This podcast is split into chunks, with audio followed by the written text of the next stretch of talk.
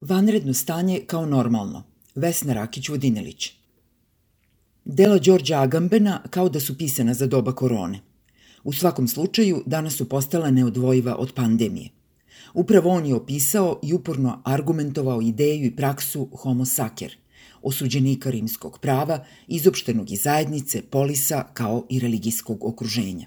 To je čovek van zakona, bez jednog prava, sve do gubitka identiteta – Izopštenog je svako mogao da ubije, ne i da ritualno žrtvuje, jer homo saker ni toga nije bio vredan.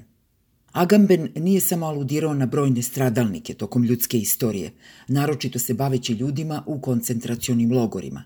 Za njega homo saker je potencijalno svako od nas, bez obzira na to koliko se naša društva dičila demokratijom.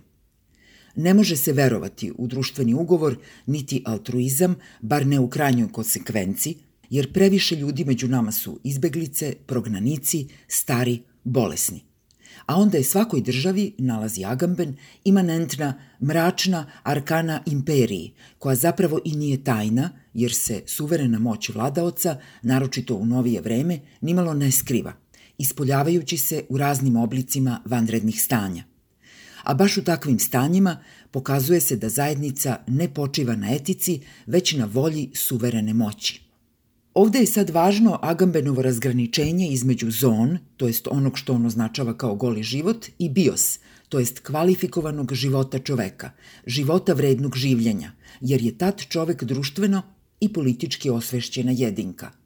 Linija homines sacri, ljudi koji žive samo goli život, proteže se kroz celu ljudsku istoriju sve do danas. U svojoj knjizi Vanredno stanje Agamben definiše suverena, bio on kralj ili predsednik, kao nosioca arkana imperiji, dakle onog ko može da prevede društvo iz pravnog u vanpravno, to jest u čisto faktičko stanje, onog ko može da suspenduje ustav i da podanicima vlada dekretima koje donosi mimo ustava i bez obzira na ustav. Ti podanici su homines sacri, ljudi koji žive tek goli život, lišeni gotovo svih prava, preko mere koja je dopustiva pred danas ravnodušnim međunarodnim pravnim poredkom. Uprkos teškom prihvatanju Agambenovih krajnjih konsekvenci, mi ljudi Srbije smo sada tu. Ljudi koji žive goli život sa različitim stepenima ograničenja, a stari ljudi sa najvišim. Da li mi želimo samo goli život i ništa više? Da li nam ga je Vučić dekretom nametnuo ili smo ga mi prihvatili, pa mu i izašli u susret. Nesporno je da suveren vlada van ustavnim dekretima, dakle da je uzurpator, ma kako ga suverenim zvali. Ali da li je nesporno da nam je to nametnuto protiv naše volje? Ili smo stanje, društveno i naše ljudsko, prihvatili izrično ili pokoravanjem u tišini?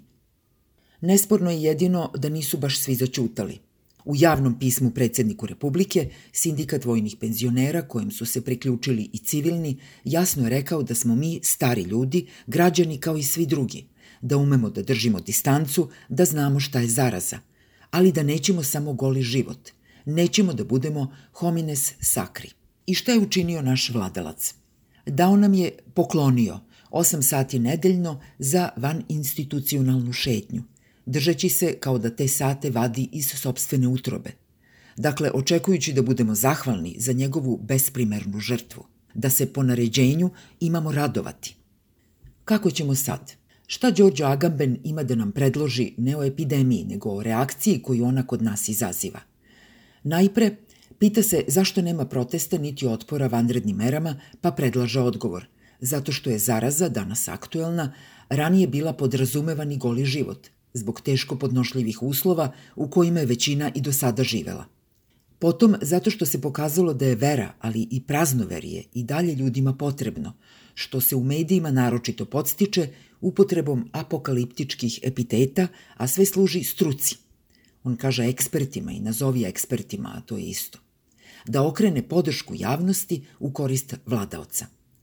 Zaključuje time da ne veruje da će ni onim ljudima koji su uspeli da zadrže minimum zdravog razuma biti moguće da se vrate pređašnjem životu, čak i kada se proglasi prestanak vanrednog stanja. Jer epidemija jasno pokazuje da je vanredno stanje postalo normalno, kaže Agamben u Le Monde krajem marta. to jest prihvatili smo ga kao normalno. Iako se konstrukcija Homo sacer dosad pokazalo gotovo kao profetska, da li i ove poslednje Agambenove teze možemo smatrati takvima? Odista ne bih se odvažila ni da pokušam da odgovorim. Ali za nas ovde u Srbiji to nije jedini problem. Dekreti kojima se vladalo i vlada liče na njihove idejne kreatore. Hiroviti, promenjivi bez vidljivih razloga, prevrtljivi, nesprovodivi, nepromišljeni. O svemu tome detaljno i uverljivo pisala Sofija Mandić u tekstu U milosti ministarstva. Sadržinski, takva su i obraćanja javnosti, kako vladaoca, tako i struke. Po formi, vladaočeva su sračunata da ponize građane kao opštu društvenu zajednicu i ili pojedine grupe i profesije. Za sada, otpor bezobzirnoj nesigurnosti i ponižavanju je slabašan – Međutim, mora ga biti svom snagom naših golih života, da ne bismo samo takve živote živeli trajno. Mora se i protiv nekih Agambenovih teza reći otvoreno. Tačno je, odnos između suverene moći i građana nije zasnovan na etici. Ali odnosi između građana, makar oni bili samo homines sakri, nisu ni po definiciji ni u stvarnosti lišeni ljudske empatije. Jer goli život jeste život bez prava – ali ne i bez emocija. Verujem da u fotografijama, klipovima, vicevima, porukama koje danas razmenjujemo ima mnogo više reči ljubav nego ikada do sada. Da sam neka vlast, to bi mi zvučalo subverzivno.